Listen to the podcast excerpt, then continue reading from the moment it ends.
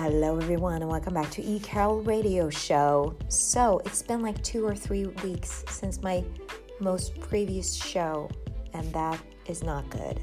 I'm sorry about that huge gap. In any event, this time I'll be reading a monologue from the play 14 by Alice Gerstenberg. It was uh, printed for the first time uh, in 1921, so it's almost uh, a hundred years old. That's nuts. So it's Mrs. Pringle speaking in this monologue. Oh gosh, I love that name. Hello, my name is Mrs. Pringle. yes.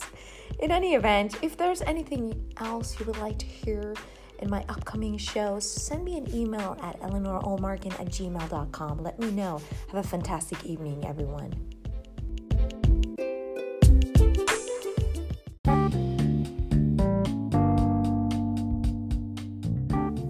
I shall go mad. Mm. I'll never entertain again. Never. Never.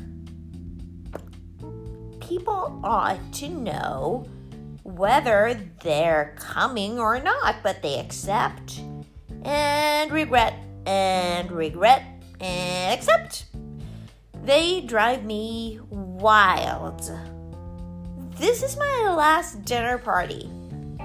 My very last. A fiasco. An utter fiasco.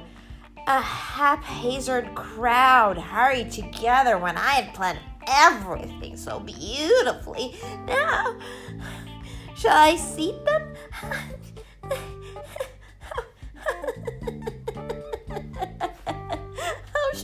seat them? If I put Mr. Tupper here and Mrs. Conley there, then Mrs. Tupper has to sit next to her husband, and if Morgan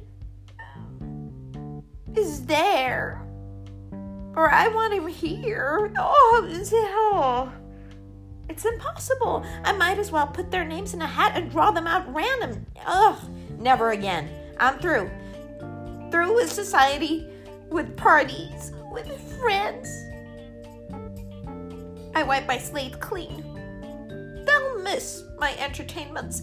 They'll wish they had been more considerate after this. I'm going to live for myself.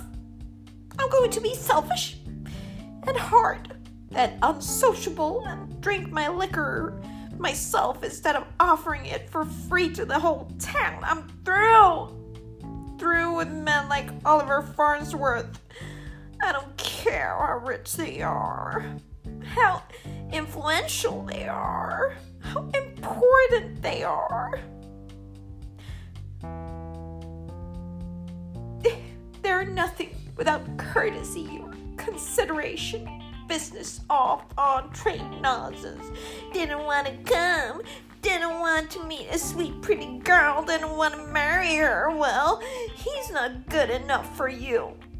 Don't you marry him. Don't you dare marry him. I won't let you marry him.